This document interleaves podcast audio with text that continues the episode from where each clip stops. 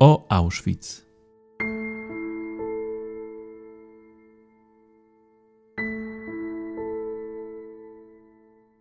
Historia obozu Auschwitz jest niezwykle złożona. Łączył on dwie funkcje: obozu koncentracyjnego i ośrodka zagłady. Nazistowskie Niemcy prześladowały w nim różne grupy ludzi, a kompleks obozowy nieustannie rozbudowywano i przekształcano. W podcaście o Auschwitz mówimy o historii obozu oraz o naszej współczesnej pamięci o tym szczególnym miejscu.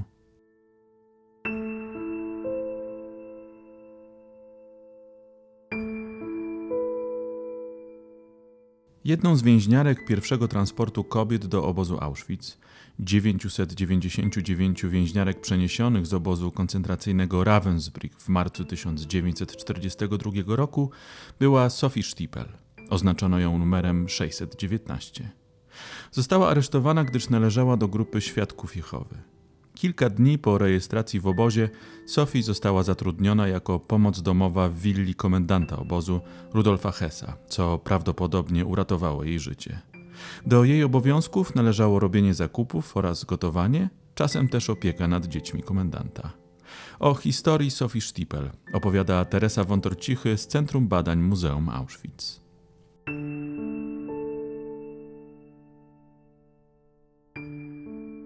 Kim była Sophie Stiepel? Sophie Stiepel urodziła się w 1892 roku w Mannheim w rodzinie mieszczańskiej.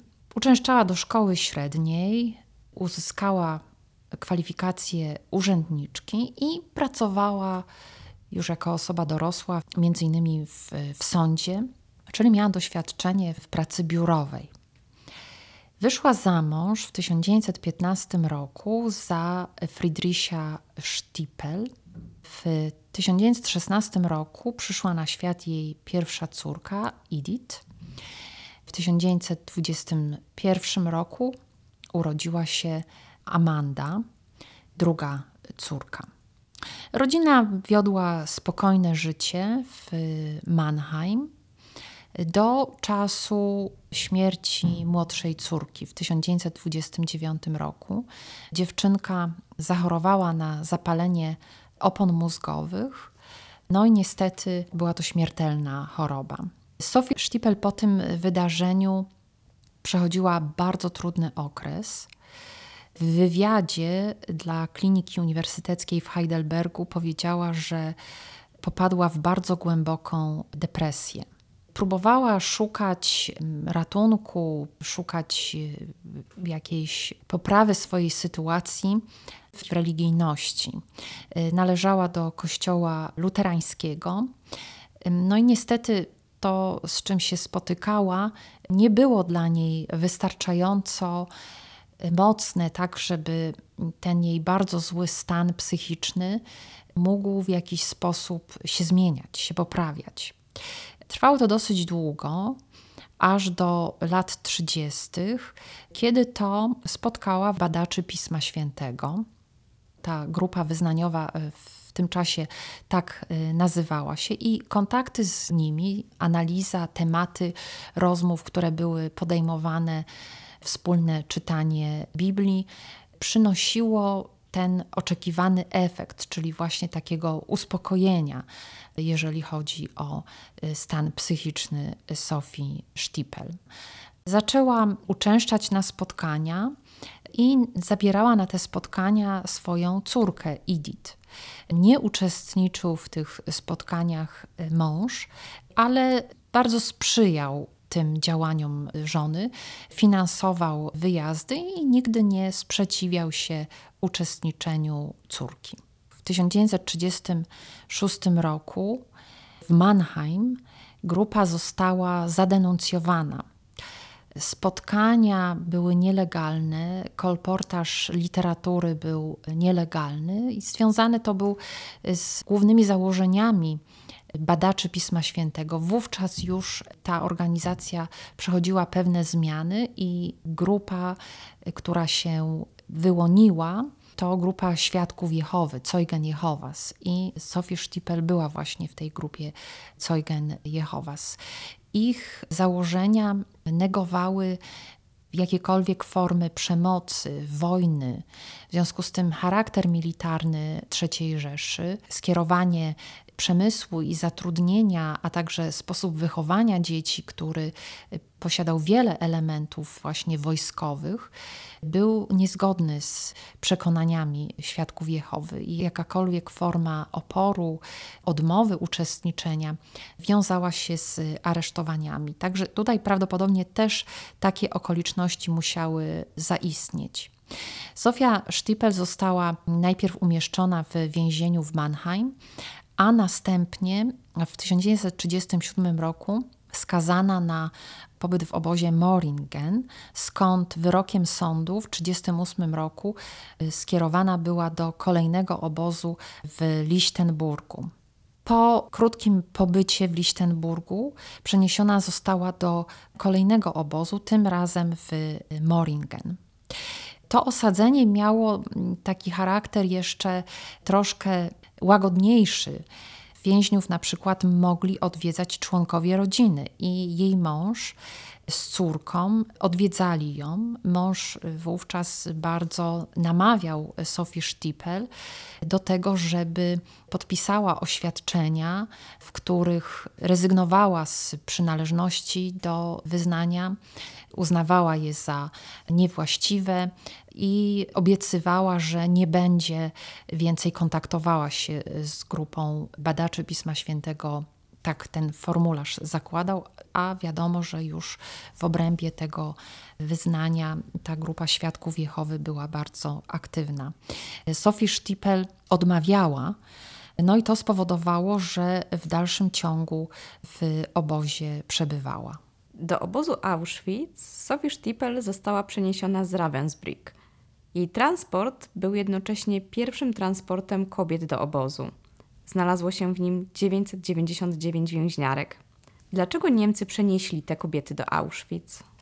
Początek istnienia obozu kobiecego w Auschwitz to właśnie 26 marzec 1942 roku, kiedy to rano przywieziono 999 więźniarek z Ravensbrück, a po południu 999 więźniarek z Popradu na Słowacji. Były to więźniarki żydowskie. W kolejnych dniach transporty z więzień na terenie okupowanej Polski bądź też z innych obozów były przenoszone. Te więźniarki z Ravensbrück nie były przywiezione przez przypadek. Mianowicie utrzymywano taki schemat organizacji obozu, że pierwsi więźniowie osadzeni to byli więźniowie mający doświadczenie w pobycie w obozie, znający strukturę, system, schemat działania obozów, potrafiący utrzymać pewnego rodzaju porządek, tak to nazwijmy, obozowy porządek w danym obozie. I właśnie te 999 więźniarek w większości to były kobiety, które z różnych powodów były w niemieckich obozach parę lat. W obozie Auschwitz to one właśnie miały organizować, to się tak ładnie nazywało, samorząd więźniarski, czyli po prostu obejmować stanowiska więźniarek funkcyjnych i wdrażać inne więźniarki w ten system. Bardzo często te zadania były powierzane więźniarkom kryminalnym, które charakteryzowały się takimi sadystycznymi zachowaniami, które z łatwością stosowały przemoc fizyczną wobec innych więźniarek. Stąd bicie, karanie poprzez bicie innych więźniarek było dosyć często stosowane przez nie.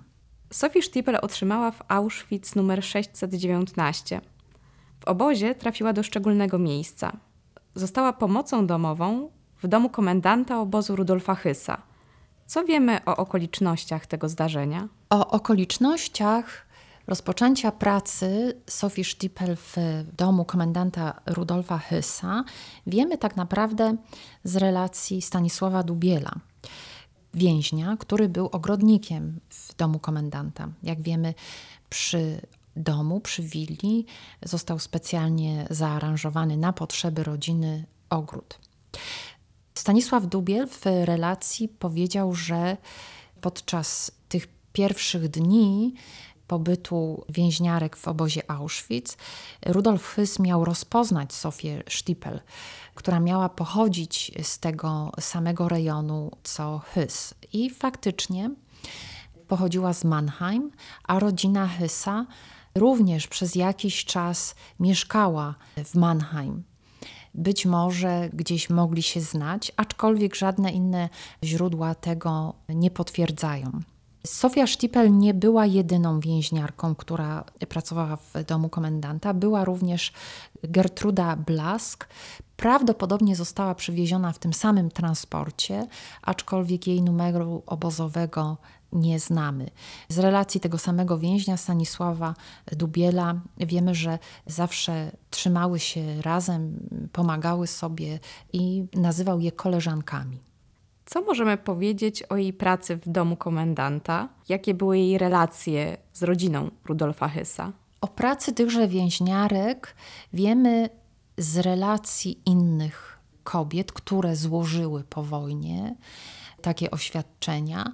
Wiemy z relacji innych więźniów, którzy wspominają, że widzieli więźniarki przy pracy. Natomiast ani Sofia Stipel, ani wspomniana Gertruda Blask nigdy relacji na ten temat nie składały.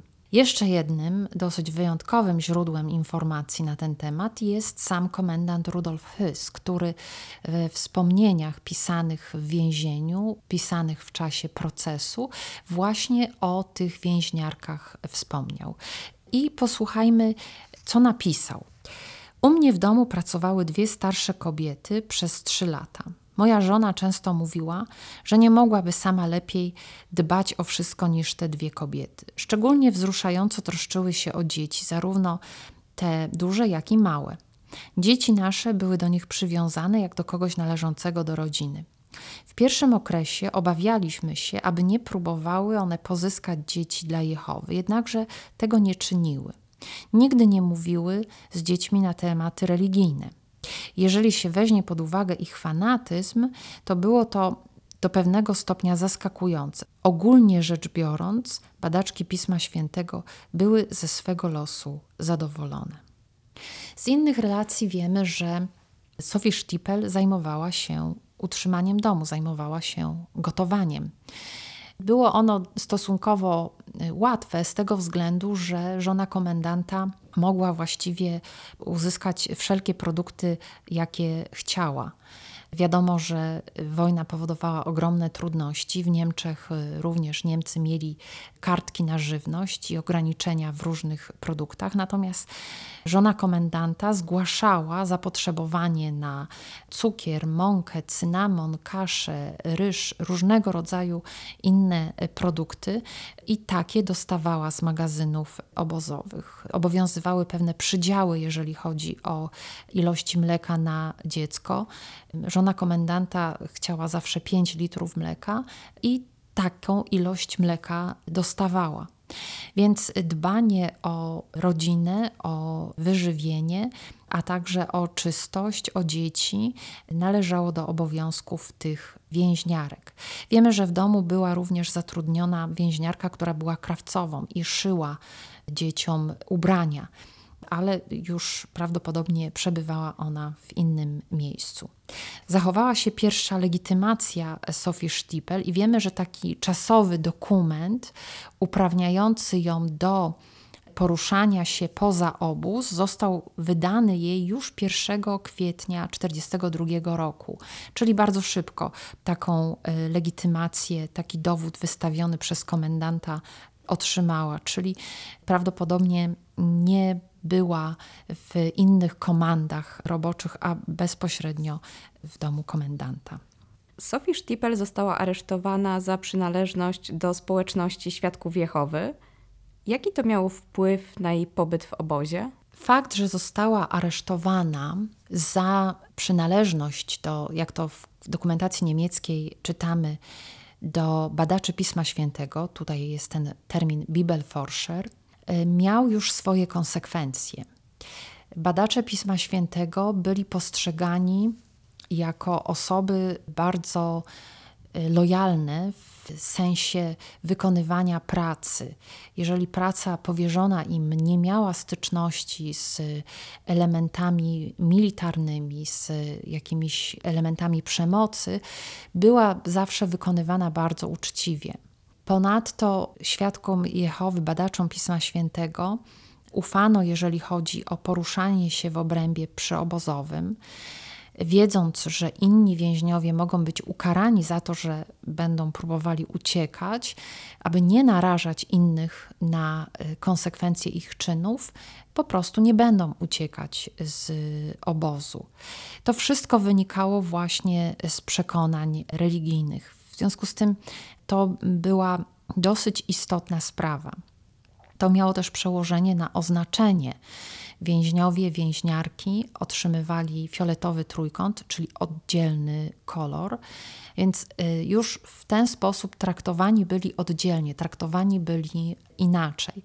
No i fakt, że większość z nich to byli Niemcy, no szczególnie w tych pierwszych transportach czyli możliwość bezpośredniej komunikacji z załogą obozową, styl życia, znajomość tradycji niemieckich, jeżeli chodzi o utrzymanie domu, to wszystko przekładało się na to, że właśnie chętnie SS-mani zatrudniali te więźniarki w swoich rodzinach.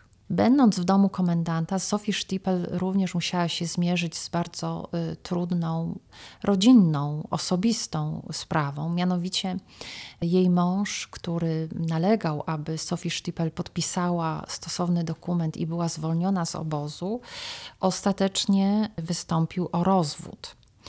I właśnie w 1943 roku, w marcu tego roku, czyli rok po pobycie Sofii Sztypiel w obozie, Rudolf Hys musiał przygotować pełnomocnictwo dla brata e, Sofii Sztipel, który miał ją reprezentować podczas sprawy rozwodowej. Taki bardzo osobisty dokument był wystawiony przez komendanta. Rozwód faktycznie odbył się i w styczniu 1944 roku sąd orzekł o rozstaniu się z mężem. W międzyczasie córka Edith, która już była dorosłą osobą, wyszła za mąż i była matką, urodziła syna. Stąd jej kontakt z córką w dalszym ciągu był utrzymany. Sofia Stiepel została razem z rodziną Hysów przeniesiona do Niemiec. W listopadzie 1944 roku rodzina spakowała swój dobytek i zostali przeniesieni najpierw do Ravensbrück, a później już w, w, swoje strony rodzinne. Sofia Stiepel pozostała w Ravensbrück, czyli dla niej to był taki jakby powrót do tego obozu. Tam została wyzwolona. Na dokumencie wyzwoleniowym widzimy informacje napisane w języku rosyjskim, w języku francuskim. I powróciła do rodziny. Czekała na nią jej mama, Czekała na nią córka, zięć i czekał kilkuletni wnuk. Pozostała z rodziną. Niestety jej zdrowie już było bardzo nadwątlone. Przebywała w więzieniach i w obozach właściwie 9 lat. Aresztowana została w 1936 roku, wyzwolona na wiosnę 1945 roku. W okresie powojennym y, przeżyła atak serca, w związku z tym jej możliwości podjęcia pracy zarobkowej też były już bardzo ograniczone. Była w dalszym ciągu wśród świadków Jehowy, uczestniczyła w różnych wydarzeniach. Zmarła w Heidelbergu w 1985 roku w wieku 93 lat.